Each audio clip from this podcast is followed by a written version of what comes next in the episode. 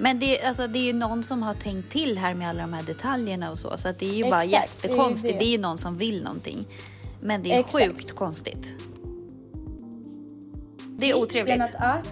Det är micromanagement och det är Ja. ett sätt att få mig att göra på ett annat sätt. Så att man lite fördummar mig bara. Om jag säger det här så kanske hon bara gör så.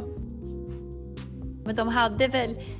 Ja, men fransmännen har väl ett ord eller ett uttryck för att så här, lyssna inte på vad jag säger utan lyssna på vad jag menar. Och normerna måste vara heliga, annars är det ingen idé. Om vi ska bo i ett samhälle där allting ska individanpassas och ingen individ ska Nej. anpassa sig. Då kan vi inte bo i ett Nej. samhälle. Det är inget samhälle Nej, längre. nej, men vi har ju ett samhällsproblem. Om du har bett mig att göra någonting så förutsätter jag att du tycker att jag har kompetens att lösa det här på ett bra sätt.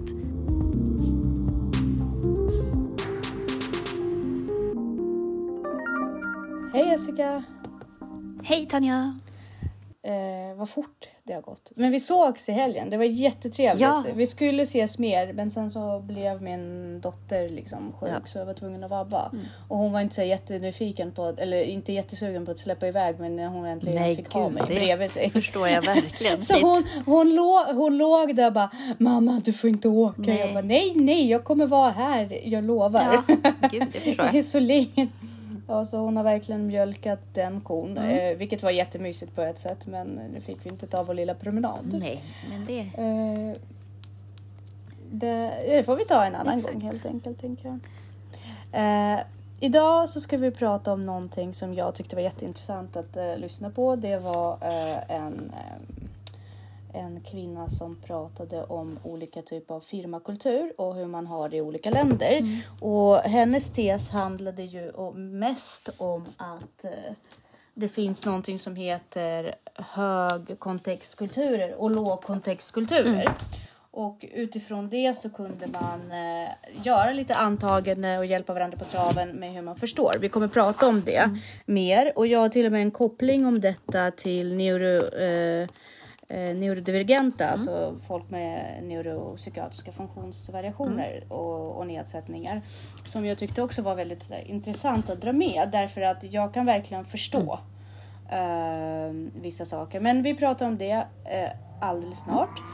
Men först, först säger vi varmt Välkomna. till Ansvarspodden. Ansvarspodden.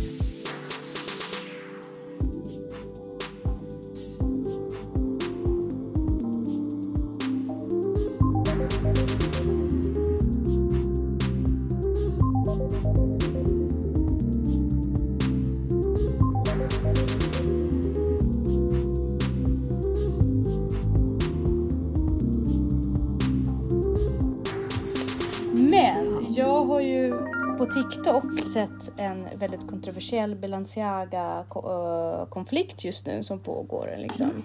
En hel eh, dramatisk grej med deras eh, eh, kam- kampanj inför jul. Och deras saker som skulle säljas online och kampanjen är, ser ut på följande sätt. Det ser ut som att det har varit en vuxenfest bland annat. Eh, det står gla- vinglas framme och diverse vuxna attribut. Och så är det ett barn som står med en nalle som har eh, BDSM-kläder på sig, eller så här hölster och Alltså hela, hela kampanjen är väldigt antydande eh, mot barn som liksom har dragits med i situationer där de inte borde vara med. Det är ju väldigt stor antydan på någon form av, vad ska jag säga? Barnpornografi. Unappropriate. Det, ja men barnporr och framförallt, ja men det är bara opassande. Det är så o, otrevliga hintar mot pedofilist, någon form av pedofilistisk approach. Eh, anspråk på det. Men jag förstår verkligen inte hur de kunde. Det, det är ju en rättegång som är på gång för de som gjorde själva sättet. Men det stora kontra, kontroversiella grejen är ju hur har man lyckats att få fram den här idén? Ja, men jag tänker, vadå, Eh. är det någon som är åtalad för det här? De vill, Balenciaga vill åtala eh, de som sätter det här eh, själva kampanjen. Men det är väl de som har beställt kampanjen och godkänt den? Exakt. Så att du kan inte De åtala. De, att har de gett ett inte- uppdrag till en, en byrå som har gjort det. Förmodligen. Som har, de, det finns ju ingen kampanj som går ut utan att företaget inte godkänner det. Nej, precis. Så frågan är vem det är i modehuset som har godkänt Ja, det. För det verkar som att själva deras eh, CEO, Ja. alltså VD, han har inte godkänt det. Eh, så att, Men det verkar Det ju dumt intressant. att inte ha den. Han har ju fortfarande ansvaret. Då har han ju lämnat över ansvaret Ja. till någon annan. Men han har ju fortfarande Precis. ansvaret. det har han. Så att frågan är så här, hur har det kunnat släppas igenom? Och det är så sjuka grejer. Ja, men man kan ju fortfarande inte Eh, åtala någon. Eller? Han har ju fortfarande ansvaret själv. Så han kan ju inte åtala någon annan än sig själv. Det är det som är, liksom, jag har ju kollat på eh, några eh, Youtube eh, inlägg som, eh, som förklarar detta. Och det är så luddigt därför att som sagt Balenciaga har kommit ut och sagt att de är de kommer verkligen försöka grotta i det här och vem som är skyldig och de ska donera massa pengar för att eh, för att de ska gå till barnen som Ja. alltså, så här Ja. vanliga eh, liksom massa pengar på såret och sådär. Uh, och sen så har ju Kim Kardashian verkligen varit väldigt, det är ju Ja. det som är det stora controversy tycker jag, vilket jag absolut inte tycker borde vara det absolut viktigaste i det här. Eh, att Kim Kardashian tog så lång tid på sig att göra ett uttalande för hon är en av personerna som är spokesmodel, jag vet inte vad det heter, för, För- företrädare Ambassadör eller något. Typ så ambassadör eh, för det här märket. Men faktum är att Balenciaga är ju förknippad för massa, eh, massa sådana här ganska kontroversiella eh, kontroversiella saker som de även haft i sina kollektioner. De har aldrig haft med sig barn. Eh, men de har ju, jag ska bara skicka över det här till dig så du har bilderna framför dig. För att ju mer jag tittar på dem desto mer liksom, eh, desto mer inser det här är, det här är konstig jävla sak som hände 2023 liksom. Därför att det, det, det är ett sånt, en sån miss som jag, alltså jag fattar verkligen inte. Eller alltså nu menar du? För- för- 2020? Eller 22? 22 menar jag.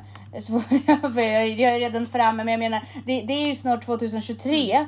Eh, och vi är liksom, vi har ju pratat och pratat om det här och det är liksom förbjudet och vi spårar pedofiler och vi, det är en sån Fast eh, vi har pratat och pratat i Sverige.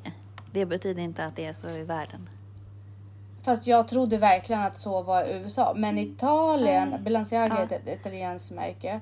Eh, det, det och det är internationellt märke så det slår ju mig väldigt... Alltså, jag vet, jag förstår verkligen inte. De, d- d- konspiratorerna menar ju att det här är anspråk, anspråk på djävulsdyrkan och pedofili.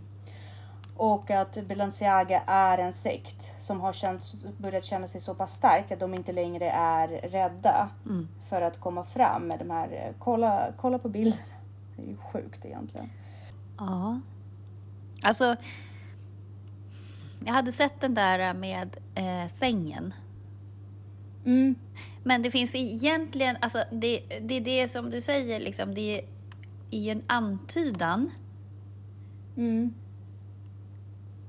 Men man behöver ju inte... Det är en antydan på på pedofili, pedofili men det är ju verkligen i betraktarens ögon Ja, på ett verkligen. sätt. Förutom att Men det, det, är, ett- Förutom det är att- omotiverade foton. Alltså det är en omotiverad omotiverade komposition.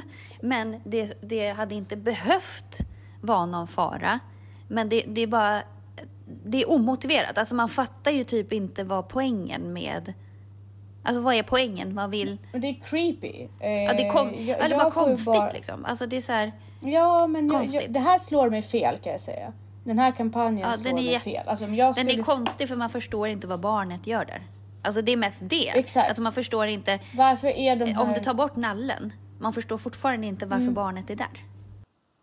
Nej, det är vuxna saker och det är vux, rätt vux, miljö som är... Alltså där det blandas väldigt vuxen symbolik som egentligen inte har med barnens värld att göra. Med, eh, med eh, sexuella anspråk, eh, alltså i vissa föremål, sexuell symbolik. Det finns ju också en annan bild där en Balenciaga-väska ligger på, en, på utspridda papper. Eh, och en av de filerna handlar om någon form av uh, barnporrlag som man har eh, som man har gått igenom med USA. Så det ligger på den här prejudikatet. En annan där en kvinna sitter på ett kontor med, med fötterna på skrivbordet och det, är en, eh, det, det ligger böcker staplade bakom henne och en av dem är en konstnär som har som har eh, målat barn i väldigt eh, otrevliga scener med sexuellt anspråk och eh, anspråk på ritua- rituella kompositioner. Men det här- det är liksom konstigt. Det är ju eh, väl, alltså då, det finns ju en bild här där ett barn ligger på mage i en soffa. Ja. Och det finns ja. ju en sån jättekänd bild på Kate Moss från Mm. eh, När hon är naken. Ja, och eh, vilken kampanj är det då? Det är inte Calvin Klein. Men hon var. Ja, mm, jag Eh. trodde hon var boss. Nej, ja, hon var, hon var boss ett tag, men Calvin Klein var det stora liksom. Eh, Men men det, alltså, det är ju någon som har tänkt till här med alla de här detaljerna och så. Så att det är ju bara Exakt, det är ju jättekonstigt. det. Det är ju någon som vill någonting. Men det är Exakt. sjukt konstigt. Och sen den, den bilden du pratar om där de ligger, där det här barnet ligger. Det är ju vin och Mm. Ja, ölflaskor. ja. Det är som att det har varit en, en alkoholfest. Alltså inte, det behöver inte vara så här superfest men det ser ut som att det är vuxna som har varit där och supit och sen Ja. tagit därifrån. Var, varför Ja. då? Varför Ja, är det ja. där barnet själv där med de här sakerna? Ja. Det är ju jättekonstigt. Ja. Eh, vad menar de? så Ja, varför nej, men det- gör man en sån kampanj Ja, om man inte omotiverat. vill? Mm. Alltså, man fattar ju typ inte ens vad det är reklam för. Nej, i en annan bild så fanns det en tejprulle, en sån här avspärrningstejp. Ja. Eh, där det ska stå Balenciaga på tejpen. På Ja. avspärr- det, men det stavas med dubbel A. Ja. Det stavas Baal Ja. Sia- eh, Siaga. Och Baal är en eh, gud som man har offrat barn till. Eh, I forna... Nej, inte alls i forna. Det här var inom sataniststriterna. Så... Är du kvar? ja, alltså det här är Ja, jättekonstigt ju. Ja, så att antingen är det här någon som verkligen försökt sätta dit Balenciaga med alla de här sakerna. Vilket absolut inte skulle förvåna mig. Men då de, kommer ju de eh, åka dit själva liksom. Ja, det kommer de att göra på något. Men det, det, det är så konstigt. Det är så skumt och så icke att ta i. Så att jag vet inte. Jag förstår inte heller hur man som eh, VD för det här inte gick ut direkt och bara vi ber om ursäkt. Det här var jättekonstigt. Den, det, vi kommer reda det här. Eh, all dras in. Liksom. Utan de har ju verkligen försökt att skylla ifrån sig. Mm. Vilket är pinsamt tycker jag. Att de har. Ja. Hur skulle du förhålla dig till det här märket nu? Nej men alltså det känns ju... Eller förhåll, alltså, jag, då måste jag bara... Alltså jag har inte förhållit mig till det här märket förut. Alltså så här, Nej. Eh, så att, eh, Eh. Men det är väl inte... Alltså det är väl bara obehagligt. Eller liksom vad är poängen? Det är inte så här, för mig, det väl bara inte... Alltså, Tror du att det är en konspiration? jäv, jäv, nej men alltså jävligt klantigt alltså. Nej, jag tror bara det är en klant, Nej, men alltså, grej. hur man ens kan få igenom det som en... Alltså, I sådana fall är det ju en insiderkonspiration. Alltså, för att är. man kan ju inte vara så inkompetent, whoever liksom godkände den här kampanjen, att man bara åh, de här är fina bilder, det här godkänner vi. Utan att här, det här känns lite konstigt, kan ni förklara? Alltså, för det, man behöver ju inte vara insatt överhuvudtaget för att få en, en känsla av att det här känns väldigt konstigt. Kan ni motivera, vad är poäng, vad är tanken liksom? Jag kan också säga en annan sak som, och, alltså, som slog mig på en gång när jag såg de här barnen. Mm. Det här, är- vi pratar alltså fyra, fem åringar Mm. eh, på bilderna. Mm. Vad fan tänker deras föräldrar? Mm. Ja fast vet du, Alltså- nej men alltså vet du, föräldrar, det finns så många föräldrar som säljer sina barn bara för lite spotlight. Mm. Alltså så här fotomodellsbarn eller alla de här Mm. liksom beauty queen grejerna i USA. Alltså, Alltså, det är bara le ja, och ställ upp, du får pengar, liksom, du blir känd. Men Alltså, Men å andra sidan, det finns ju kon- en konstnärlig aspekt av det här. Mm. Av allt det här finns en konstnärlig aspekt. Eh, Mode, särskilt sådana märken som Balenciaga som har verkligen eh, anspråk på konst. Det här är inte vanliga H&M, alltså Mm. Nej, inte nej, mainstream brands. Det här Nej. är high couture brands. Eh, även om de har gjort massa massproducerade kläder nu och blivit kända ute på gatorna så är det fortfarande märken som gör anspråk på väldigt hög mode. Och dessa människor som har i de här kretsarna att göra, de går ju alltid på gränsen till galenskap. Ja. Det är ju bara en fråga om ett steg. Eh, Så blir de liksom, så, så, så är det galet. Och ett steg tillbaka så är det genialt. Så på det sättet kan man också säga att nej men det förvånar mig inte att en sån sak händer. Fast på ett annat sätt så är det ju det därför att vi pratar ju om en PR-industri som borde ha skyddat för de finns ju någonstans där de överlappar. Det finns då konstnärerna som är galna men det finns också PR-människorna som ser till att de hamnar på jorden och säger nej du det här går inte. Jag förstår att det är din vision men Ja, nu, precis. Det är det jag menar. här ska vi inte upp, uppröra, precis, Att vi det- ska det inte måste jag uppröra bögarna, här ska vi inte uppröra de kristna, här ska Nej, vi men inte också så uppröra. här, det här kommer inte funka kommersiellt. Ni kommer få mer skit än det här. Så det är Ja. jätteskumt. Ja. Jätteskumt. Men det har ju gett upphov till massa konspirationsteorier, vilket är jättekul tycker jag. Ja, eller liksom... Eh. ah, ah. Men det intressanta är ju då att Balenciaga ingår ju i en koncern och däribland även Gucci är ju det paraplyet.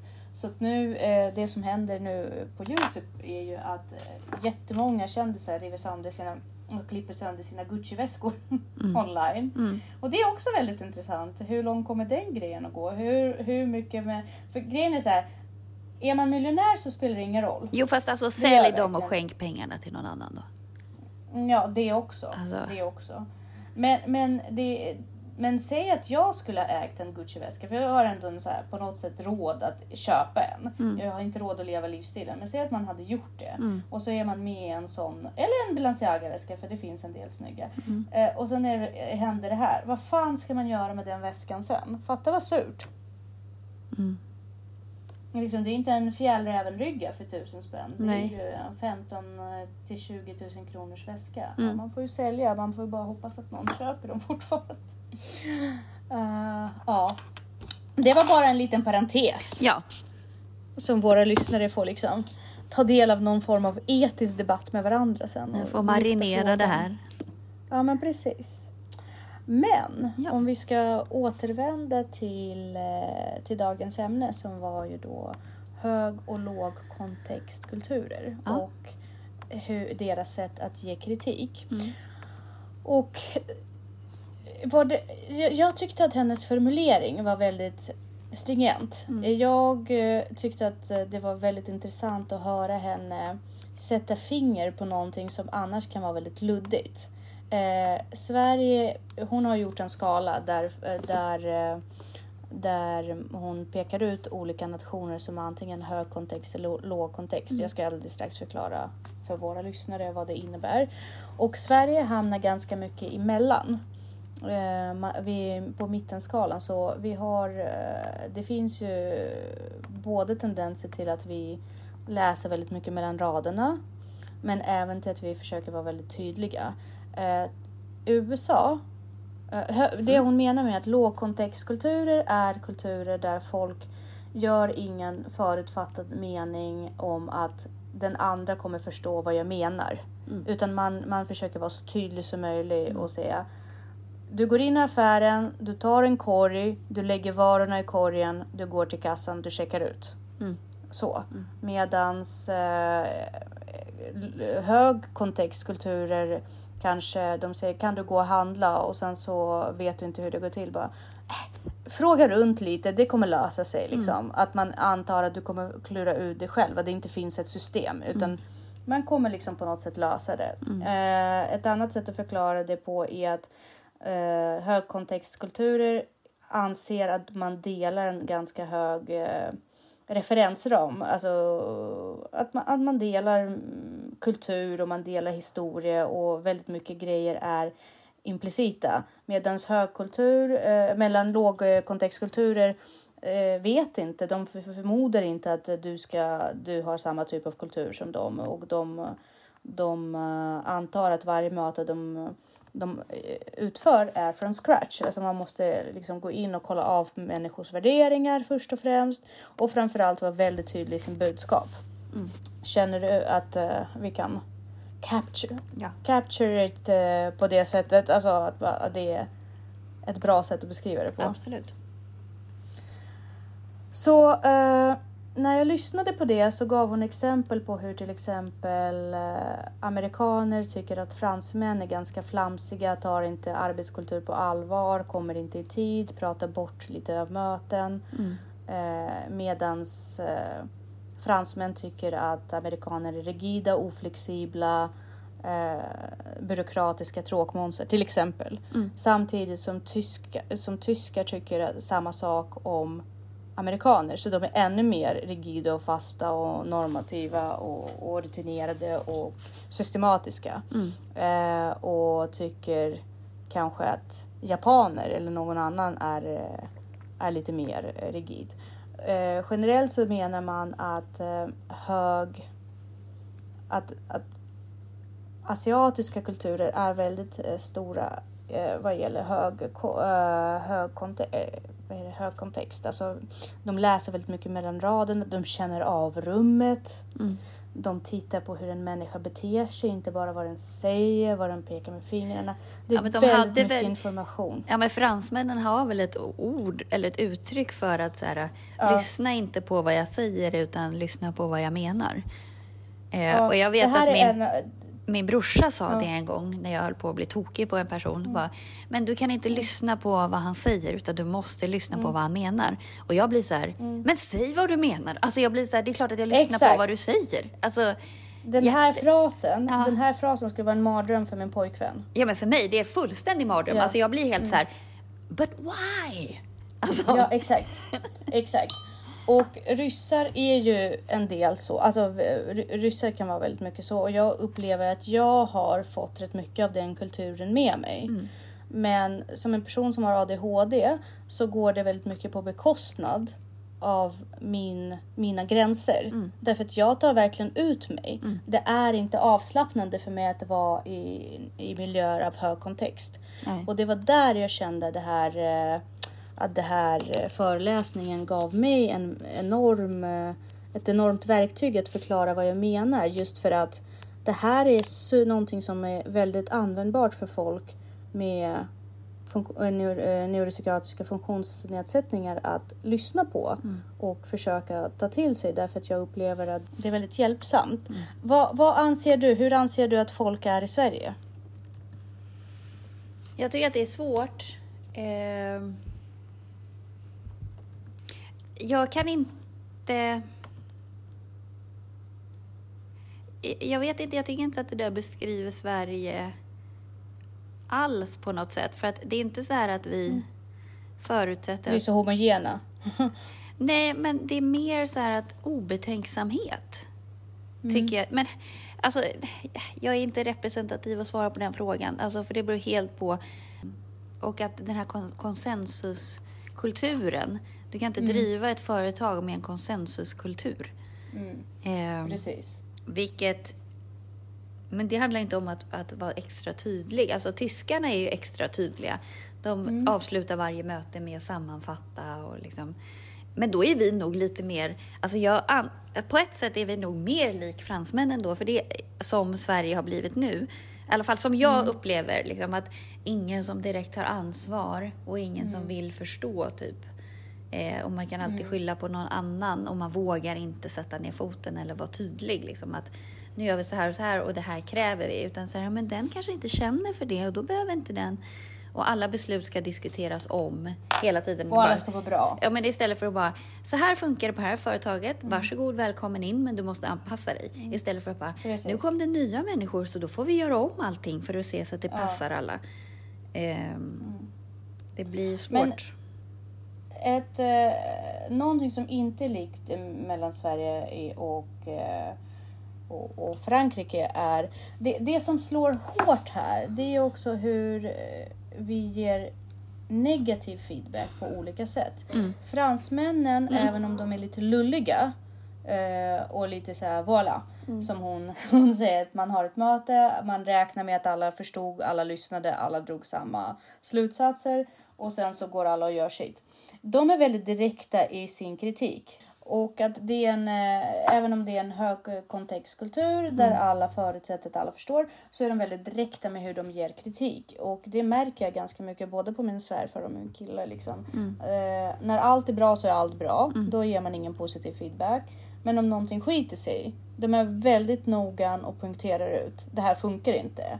Och det är för att man förut, enligt då eh, både min pojkvän och min svärfar, men även min familj, som borde inte vara så franska egentligen, men jag tror att ryssar funkar rätt mycket på samma sätt.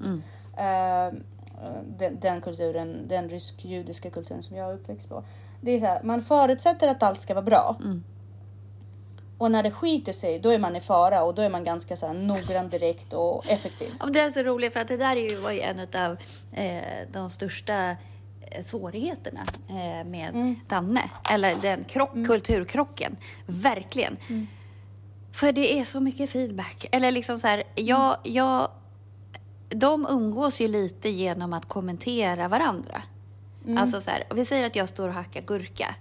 Eh, säger vi.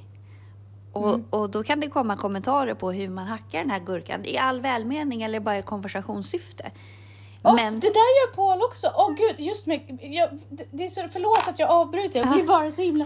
För det, precis den konversationen hade vi med Paul, också om en gurka. ja, och grejen är den så här, och jag blir så här, om någon kommenterar Mm. där jag kommer ifrån, då är det för att det är så jävla illa så att jag måste gå in Mm. och styra upp här annars kommer allt gå åt helvete. Så att för mig blir det kritik. Mm, Eh, och jag blir helt dränerad av att förhålla Mm. mig till det här. Eh, eller att jag kan också tycka att det är fruktansvärt jobbigt med folk som går och eh, refererar som en sån här sportkommentator bredvid Lite micromanagement-metod. Nej men så här, talar om för mig vad jag gör. ja. Så jag vet vad jag gör. Mm. Eh, men i Dannes värld så är det feedback, behöver inte ens, det kan vara neutralt. Liksom. Det behöver inte betyda Ja. någonting. Eh, och den tyckte jag var... att- att ja, att umgås. kommunicera. Ja, och den tyckte jag varit jobbig. Alltså, jag blev helt så här skakig liksom. Eh, eh, men jag, jag har ju lärt mig det nu. Så att, ehm. Nej men det är en sån det, det är en grej liksom. intressant, eh, intressant liksom att man måste tänka på de här sakerna. Därför att jag blir ju precis som du. Om jag gör någonting och någon kommer och säger, jaha, jag, gör du det här så här? Jag brukar göra det så här. Det första jag tänker så här, ta kniven, gör det själv. Ja, jag med. Jag med, verkligen. Ja. Det, det Ja, för nu, första. jag är nästan så här, ja, vill du göra? Ja, men precis. Så, nej, nej. Och så får jag tillbaka så här, nej, nej, jag bara säger det. Ja, men för Vad mig det är ointressant. Har undrar jag frågat? Ja men exakt. Vilket då framstår att man, man, gud vad bra att du och jag förstår det här på samma sätt. Nej, men för mig är det Ibland otrevligt. Mig så här, ja, för mig är det en attack. Ja, det är en kritik, det är otrevligt. Det är en attack, det är en micromanagement och det är Ja. ett sätt att få mig att göra på ett annat sätt. Ja. Så att man lite fördummar mig bara. Om jag säger det här så kanske hon bara gör så. Ja. Ja, för förstår du? Så här, eh, ganska så här hatt, hackig. Ja, men för det, det där sa jag, det, där- vi har haft något bråk om det där och jag bara, men om du bara låter liksom så här, du kanske också kan så här, ditt sätt är inte det enda rätta, bara backa. Låt, bara, om du undrar så här, jaha, gör du så? Ja, men sitt och titta då bara. Alltså du behöver Ja. liksom inte kommentera det eller så här, för att för mig Vart landar det det väldigt fel. Ja, vart på det vanliga svaret ska, ska jag bara hålla käften? Är det det du vill? I princip. Ja, gärna, tack. Eh, ja men exakt, men då blir man ju otrevlig och då har man hamnat i någon form av konflikt. För det, det, det, är, det, för det är det jag får som svar. Vart på jag har lärt mig att liksom Ja, det är så jag gör. Eh, och så bara, men varför då? Det verkar, det verkar som att det här sättet skulle kunna vara bättre. Och då är man så här, jo fast Men kan man inte bara komma är överens då så här, om jag vill ha feedback så frågar jag, annars är jag ganska nöjd med mitt sätt. Jag är inte intresserad av att optimera min gurkhackning. Och för mig är det också så här att om, jag gör, om någon gör någonting för mig Mm. så säger jag tack Ja, eh, för att jag slipper. Och sen är jag nöjd med konsekvenserna. ja precis. Eh. Ja, du kan inte gå in och mikromanagera om du har lämnat över Nej. ansvaret. Exakt. Medans eh, min partner tänker så här. Fast om jag ber dig om någonting eller du erbjuder dig, vilket också är logiskt. Vill du då inte att jag ska vara nöjd? Förstår du? Nej, eh, nej alltså för att jag tänker så här. Jag förutsätter att du blir nöjd. Om du har bett mig att göra någonting så förutsätter jag att du tycker att jag har kompetens att lösa det här på ett bra sätt. Be mig inte annars, gör det själv då. För att det är jobbigare för dig, tänker jag, att be mig att göra något och sen hålla på och kontrollera mig eller ha massa åsikter om hur det ska göras. Ja, jag håller fullständigt med. För Eh, jag, jag skulle aldrig få för mig att kommentera en eh, tvättvikning om jag slipper vika det själv. Nej, eller i sådana fall så, så här, skulle du kunna hjälpa mig att göra det här och jag vill att det görs på det här sättet? Ja, ja, ja, ja absolut. Men, men, om någon, men om någon har eh, frågat mig så här, ska jag vika dina kläder och stoppa undan dem? Eller bara, jag hinner inte göra det. Förutsatt att, att min partner inte bara kastat in det i min garderob. Mm. Eh, och med flit varit så här ovarsam. Om, om, om min partner har lagt ner. Fast jag skulle inte säga någonting skulle- ändå. Om man bara kastade in det. Nej, jag skulle bara inte be nästa gång. Ja, nej, jag skulle nog säga det. Jag skulle fråga varför. Det är så bara, ja men eh, jag hade inte tid. Nej men varför sa du då att du skulle hjälpa Nej, men jag skulle bara inte Eh. be om det nästa gång. Eller så skulle jag vara tydligare i mina instruktioner nästa gång. Ja. För jag vill också, för- för jag vill inte bli bitter. Nej, men då får man... Alltså, bli... det förutsätter ju att du kan lämna. Alltså, så här, men då ska du inte ens lämna över saker. Om det är så att du blir bitter eller sur på någon som gör någonting åt dig, då ska du inte lämna över överhuvudtaget. Nej, nej, men säg det första gången du vet att Ja, någonting händer. Men det behöver du inte bli bitter något. för. Det var en gång. Gör det inte mer igen. Ja. Alltså, nej. ansvaret ligger ju hos dig fortfarande. Ja. Eh, Tänker jo, jag. Men jag tycker, jag, jag tycker samtidigt att man ska kunna kommunicera. Alltså om en person Ja. har gjort någonting och sen så har jag slutat be den att göra det för att jag inte var nöjd med resultaten. Det tycker jag är ganska harsh. Alltså, Mm. Jo, fast nästa gång kan du ju säga absolut. så här. Kan du hjälpa mig att göra det här? Men jag vill att det görs på det här sättet. Ja, jo men så kan man göra absolut. Men att, att bara liksom disclaima den personen bara nej men jag kommer aldrig be någon om någonting. Det, det känns inte bra. Eh, men men det, det som är intressant här då är ju att det finns människor som säger saker och sen är det bra. Det finns ingen baktanke, det finns ingen strategi, det finns ingen eh, du vet, dold agenda. De bara säger saker utifrån det här. eh, Utifrån det här så förstår jag det. Eh, ofta så är min kille så. Om han säger något så är det det som gäller. Vilket är fantastiskt och skönt. Men det funkar inte så i mitt huvud. Jag letar ju fortfarande efter, efter, efter hur det kändes i rummet. Efter, du vet, subtila grejer. Läser in saker. Och det skapar jättemycket problem. Eh, därför att då påstår han ju att jag ljuger och manipulerar. Medan jag försöker läsa av rummet. Det är väldigt svårt att läsa av rummet när man har någon med autism i rummet. Ja. Men, men jag är skolad så. Därför det här är en av sinnen som jag har blivit uppfostrad till. Det är ingenting som jag, eller jag, jag börjar ju tänka, särskilt utifrån den här föreläsningen, så börjar jag tänka på det mer och mer. Att, att vart ska man vara? Jag tycker att det är ganska skönt att vara i Nyköping nu, för att det är väldigt tydligt här. Jag tycker att människor på mitt jobb just nu är väldigt tydliga. Och, det, sen så, och sen bryr jag mig inte om något annat. Jag upplevde att på vårt, gemensamma gamla jobb så var det väldigt mycket subtil kommunikation. Och, och sådana saker som gjorde det svårare för mig. Eh, så jag måste nog säga att det, det är önskvärt att i alla fall i ens arbetsmiljö, tror jag, befinner sig i en låg kontextkultur. Ja, det är det. Jag blir ju väldigt frustrerad över när normer och värderingar brister för mycket. För jag tycker inte att det går att jobba med... Jag, jag tycker inte att ett företag funkar om det är för många åsikter och det drar ifrån varandra. Jag var på en sån här samverkansmöten med andra idrottslärare på Lidingö. Och jag, alltså dagen efter, alltså först blev jag väldigt upprörd. Liksom, och sen dagen efter, alltså jag mådde nästan illa. För att vi hade så olika åsikter om det som för mig är så här, det fundamentala kåren i, i idrottsundervisningen. Eh, för att det överhuvudtaget ska funka. Och då bara kände jag, jag- kände jag så här att om vi, in, om vi tullar på det här, då är det ju kört. Alltså det går inte att bedriva någon kvalitativ undervisning, då är det bara förvaring vi håller på med. Får man fråga vad din te, alltså vad, vad tycker du är kåren? Att man byter om på idrottslektionerna. Mm. Den har man ju, den har man ju sumpat i Nyköping kan jag säga. Eh, De behöver inte duscha. det är ju ett samhällsuppdrag att lära. För det första kan de inte göra sig själv rättvisa. Du kan aldrig liksom ta i eller liksom göra någonting bra Mm. av det. Eh, för du hämmas ju av fel kläder. Sen är det ohygieniskt. Sen, du går ju inte till sats liksom, med jeans. Alltså det är så här, hur beter man sig i tränandes miljöer? Sen så är det klart att det finns alltid folk med anpassningar. Om man är tydlig i reglerna så tycker inte jag det är något problem i alla fall. Jag menar, jag har haft barn med Asperger som absolut inte eh, är väldigt kinkiga med sina kläder och sådär. Men de hade en identisk mjukisoverall. De gick ju mjukisar hela dagen. Och de hade en identisk Ja. som de bytte om till i ett enskilt rum. Mm. Så var det problemet löst. Men jag tycker att så här, man kan inte, vi, vi går inte ut med och säger att man inte behöver, utan vi anpassar om det behövs. Men för mig är det så här, Mm.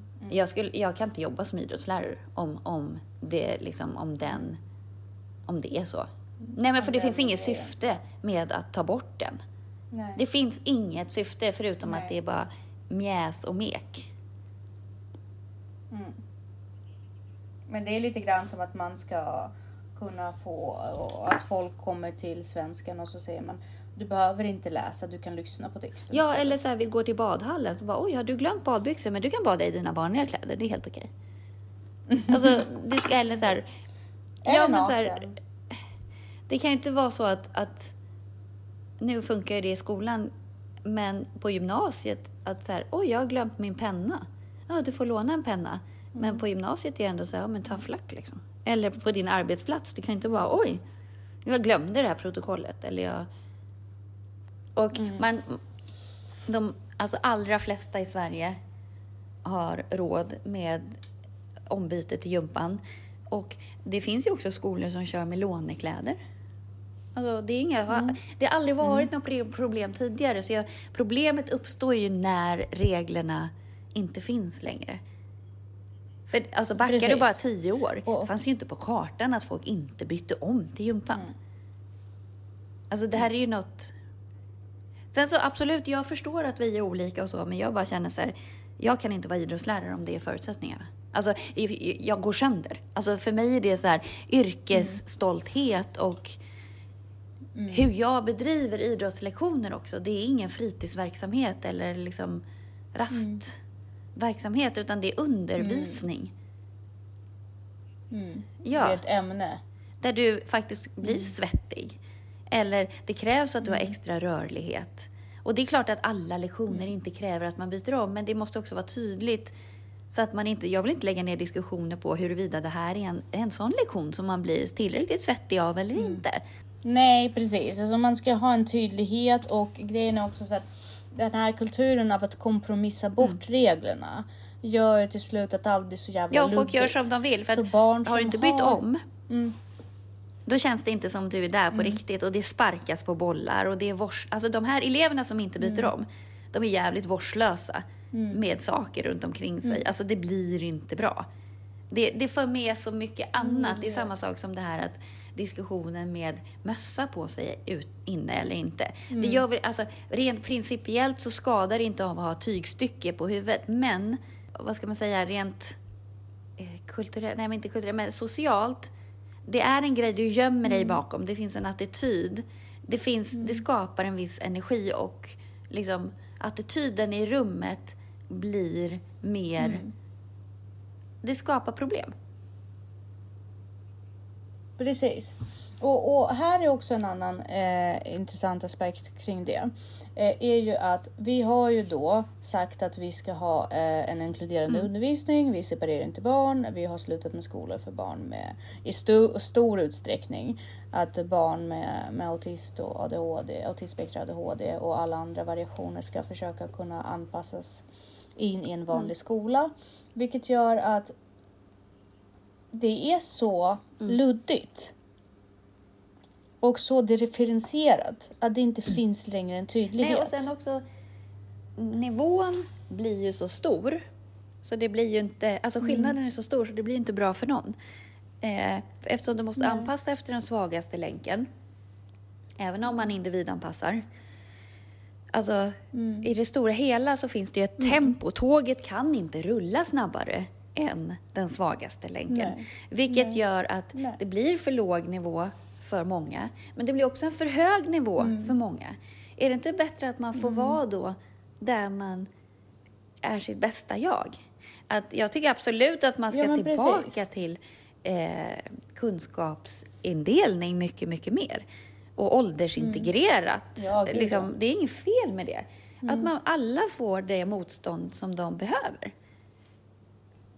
Ja, och eh, där blir det också mycket enklare socialt därför att vi pratar om energi och sociala koder och det är någonting som barn utan, utan uh, neuropsykiatriska funktionsnedsättningar snappar upp väldigt fort. Och för dem kan det nästan bli lite jobbigt att, att eh, ja men som du säger, att någon har mössa, någon inte byter om. Det är som att de, de kommer ju göra en skillnad på de här eleverna själva i alla fall. De här eleverna blir ju ändå utstötta med tiden därför att de, man anpassar så mycket så de går runt i, med, Ja, men att med de, liksom, de känner ju kuddar och också att de överallt. kan. Eller att, och då är det väl bättre att man så här, du kan. För det är ju också så här, vi jag fick en sån jätte, så här, my god, liksom. En elev som jag har haft, Mm. som jag har trott har haft alla bokstavskombinationer, Mm. som jag har trott behöver jättemycket anpassningar, som inte har funkat, som bara, alltså det, det har varit, ja men förlåt, katastrof.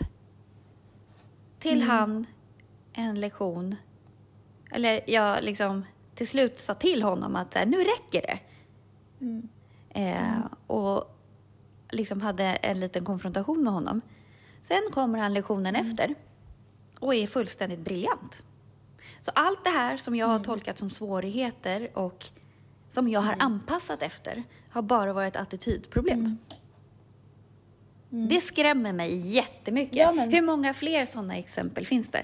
Där man, det enda han hade behövt från början var så här, jag vet att du kan, nu skärper du dig. Istället för att bara, oh, nu tassar vi på tå här kring.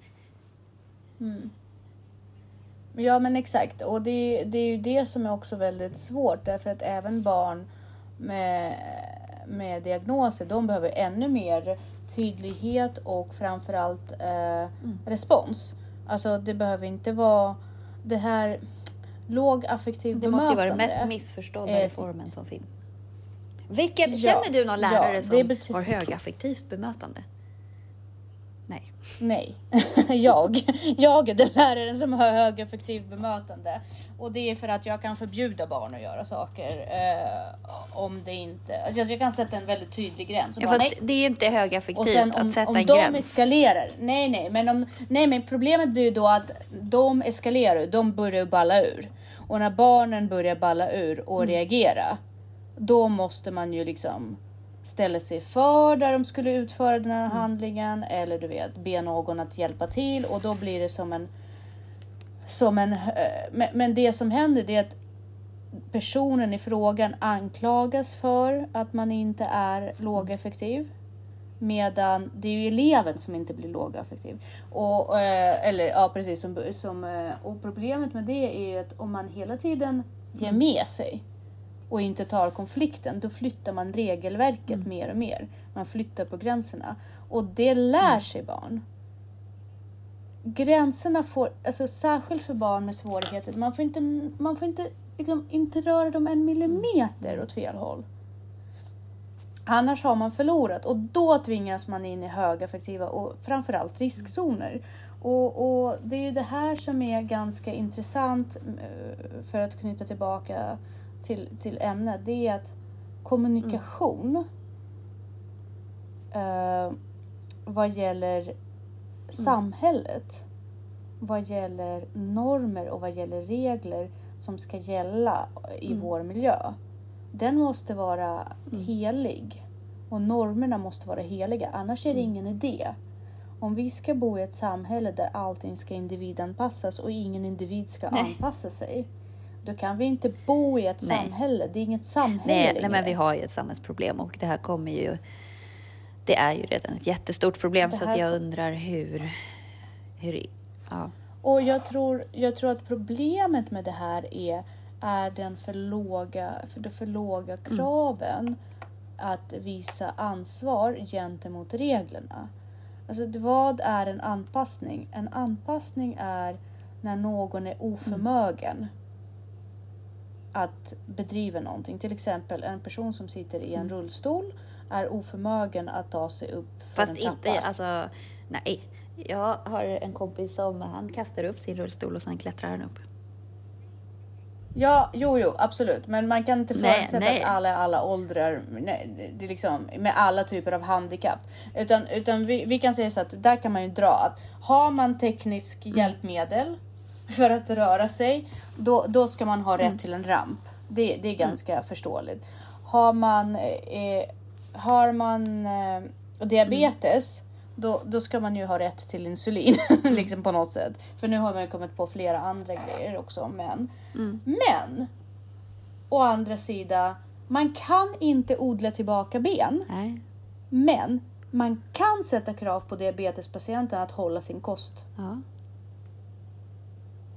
Och se om man kan ta bort eh, insulin. eh, Liksom. Och det, det, då får man fråga så här, är det en anpassning att ge eh, eh, insulin eller är det någonting som man gör bara för att personerna i frågan inte orkar ha en an, alltså, anpassad kosthållning? Förstår du vad jag Absolut. menar? Och samma sak gäller barn med ADHD och autismspektra. Eh, nu har vi skolor där det finns regler, där det finns andra barn. Är ett barn oförmögen att hålla ordningsreglerna, det vill säga anpassa språket, sina handlingar och sina sociala normer till andra, till, till det som är skolans norm ska vi säga. Då ska det barnet inte vara där. Om ens föräldrar inte vill medicinera sitt barn och barnet inte klarar av de här normerna, då ska det barnet inte vara där. Nej, men det är det som är problemet. Att antingen måste man ses- göra om hur skolan ser ut idag. Eh, eller så får man sätta sådana krav. Men man kan inte inkludera alla och sen fortsätta att driva skolan så som den ser ut. Det går att inkludera alla, men inte på det här sättet som skolan ser ut. Och det är väl det som är, du kan fortsätta Nej, men du kan fortsätta skicka lärare på diverse kurser där de uppmanas att tänka utanför boxen. Som om lärare inte tänker utanför boxen. Alltså, alla lärare har gjort det i alla tider. Mm. det är så alla nedvärderande. lärare har Det alltid så gjort det i alla tider. Speciellt så här, ni får gärna tänka utanför boxen men vi kan inte tala om hur ni ska göra utan det får ni komma på själva. Exakt. Eh, Det är så här, vilken jävla konsultfirma har gjort den här kursen och sålt in den? Där det är så här, eh, vi tycker Mm. att ni ska ändra det här men vi tänker inte tala om hur ni ska göra. Man bara, eh, som Nej, vi har inga Nej. svar till er, bara Nej men det, är- det, är så, det är så sjukt. Så att liksom, och det och, och liksom, för det, det finns har- ingen lärare ja, som förlåt. inte vill eleverna väl. Det finns ingen lärare som inte Nej, gör knut på sig själv för att få med alla på tåget. Alltså det är bara, Nej. ja, det är bara förnedrande liksom. Det, det är bara, ja. Och, och det, det är fruktansvärt. Eh, I förra veckan blev jag kallad för jävla hora av en femma. Eh, för att han eh, valde att ha på sig strumpor på, på gympan. Eh, idrottsläraren sa att det går inte, det är en säkerhetsrisk för de skulle gå på bom och så vidare. Han får helt enkelt inte vara med då. Eh, han får gärna låna skor, det fanns skor att låna. Och han får gärna vara barfota, men det kommer inte gå i strumpor. Pojken i frågan har då ADHD och, eh, han, och jag resursade på den lektionen. Jag gick fram och jag var väldigt tydlig därför att de, de höll på att sitta och dividera kring det. Och då var ju läraren tvungen att ta över lektionen. Då gick jag fram och då sa jag så här är det att antingen så ringer jag hem och då blir du hämtad. Eller så sätter du på bänken och sitter ner på en hel lektion. Eller så tar du av dig strumporna och så är du med. Eh, då började det här, du bestämmer inte över mig, Jo. bla bla bla. Och så sa jag ganska tydligt, jo fast jag gör ju det. Fast vad ska du göra? Jag sa att ja, du får inte vara med. Men ska du, ska du ta på mig? Och då började det här. Jag bara, vet du vad? Bara ta av dig strumporna. Bara bort från den diskussionen. Men han började bli jätteupprörd för att jag går efter honom. Jag förhindrar honom att, vara, att gå på saker. Ja, det slutar med att han skriker jävla hora på mig inför hela klassen. Och då Det är en kränkningsanmälan direkt. är det? Jo, Nej, det fick jag ju inte göra för han har ju jo ADHD. men det är fortfarande, även fast man har ADHD så får man inte kränka andra individer runt omkring sig. Det har man inte rätt till. Nej. Jo, fast det var ju jag som Nej. inte lät honom... Nej, men det, det, nej, absolut. Men, men poängen är så här. Jag kommer göra en kränkningsanmälan oavsett om jag kommer eller inte. De andra eleverna Ja, har och det. för deras skull måste du vara tydlig med att det är inte okej med ett sånt här språkbruk till någon annan person. Så att det är det vi måste ta med oss också, att vi kan inte bara låta gränsöverskridande beteende fortgå för att den här individen är, behöver det. Vi måste också för de andras skull vara tydliga med att markera vad är normerna och värderingarna här i rummet. Och nu handlar det Precis. om och, och de andra då, också. Exakt. Men då... då och för att, men det, jag är ändå en vuxen Mm. person. Jag har ganska mycket skinn på näsan och sådär. Nej. Jag tar inte åt mig. Men ett, Mm. ett barn som inte är van vid sånt blir språkbruk. ju helt Den blir väldigt stressad att ett barn säger något Ja, och den måste kunna vuxen. vara trygg i att när den går till sin arbetsplats Ja. att den slipper höra sådana saker. Det är Exakt. därför, jag menar, Och du, det- du kan ju bara liksom skaka av det. Det spelar väl ingen roll att en femma har, liksom, det, ditt liv går ju nej, vidare. nej. Det- men det är för de andras skull så är måste man är markera. gre- Det är det som är grejen. Just nu förlorar vi den Mm. kampen. För just nu märker jag att de pojkar Mm. och flickor som sitter tyst och fattar vad som händer. De är Mm. Nej. Mm. inte trygga. Alla andra är trygga. Folk som har autism är trygga. Folk som har. ADHD är trygga. Folk som har det svårt hemma socialt är trygga. De Men är det, alla det trygga. finns ju, förutom kommer de det här språk... som inte har Nej, men en det här diagnos. språkbruket. Jag pratade med också en som berättade en kollega som har barn i en skola. Barnet går i typ lågstadiet. Och hennes dotter får alltså höra i skolan av jämnåriga pojkar att så här, ja men jag ska knulla dig. Och, ursäkta språkbruket, Ja, men, men liksom precis. så här, ska barn behöva höra sånt i Ja. skolan? Och det här språkbruket är Alltså det är, alltså det, är det som, som är, det är så vanligt. Och vi måste ju sätta Mm. stopp för det, för det är fullständigt oacceptabelt. Och jag förstår inte hur man, att man, skulle jag höra mina barn säga det hemma, alltså de skulle få veta att de levde. Ja, gud nej. Ja, ja, absolut. Och grejen är, och det, det är också en grej som Vem har lärt dem det här? Våga, jag vet inte. Det är Youtube, TikTok, eh, sociala medier. Det är väldigt mycket sånt där och även om det, alltså det har blivit också väldigt mycket den här, prank, inte prank men, men eh, vad heter det, meme-kulturen. Att någonting blir en grej. Och vissa grejer är harmlösa och lite roliga. Men vissa grejer blir ju verkligen antydande och sexuella. Juckande danser och så vidare. Det, det lagras på. Det, det, det drar in saker. Nu har vi verkligen glidit off. Ja, och vi kanske ska börja jag. avsluta. Eh, men vi kan väl bara Ja. här, jag känner att givet skolmiljön idag så är vårt samhälle Mm. verkligen på väg utåt för. Och här måste, Mm. jag anser att alla föräldrar måste ta sitt föräldraansvar. Och det är ungefär 50 procent som gör det. Mm. Resten, ja, Gör inte det. Och jag vill också slå ett slag för att sluta ifrågasätta läraren. ja ifrågasätt era barn Mm. istället. Ifrågasätt verkligen era barn. Och det är inget fel på det. Barn är små, de är till för att Ja, och barn ifrågasättas. gör som de blir det är så de lär sig. Men om ingen säger ifrån, Och och, det är inget vad? farligt att gå i konflikt med sitt barn. Det är ditt jobb. Nej, och barn ja, ljuger. Och, och det är ditt jobb Barn att gå i ljuger. konflikt med ditt barn, så att inte barnet går i konflikt Ja. med någon annan. Exakt, och, och barn ljuger och de vinklar på sanningen och de är rädda för konsekvenserna och Ja. det är normalt.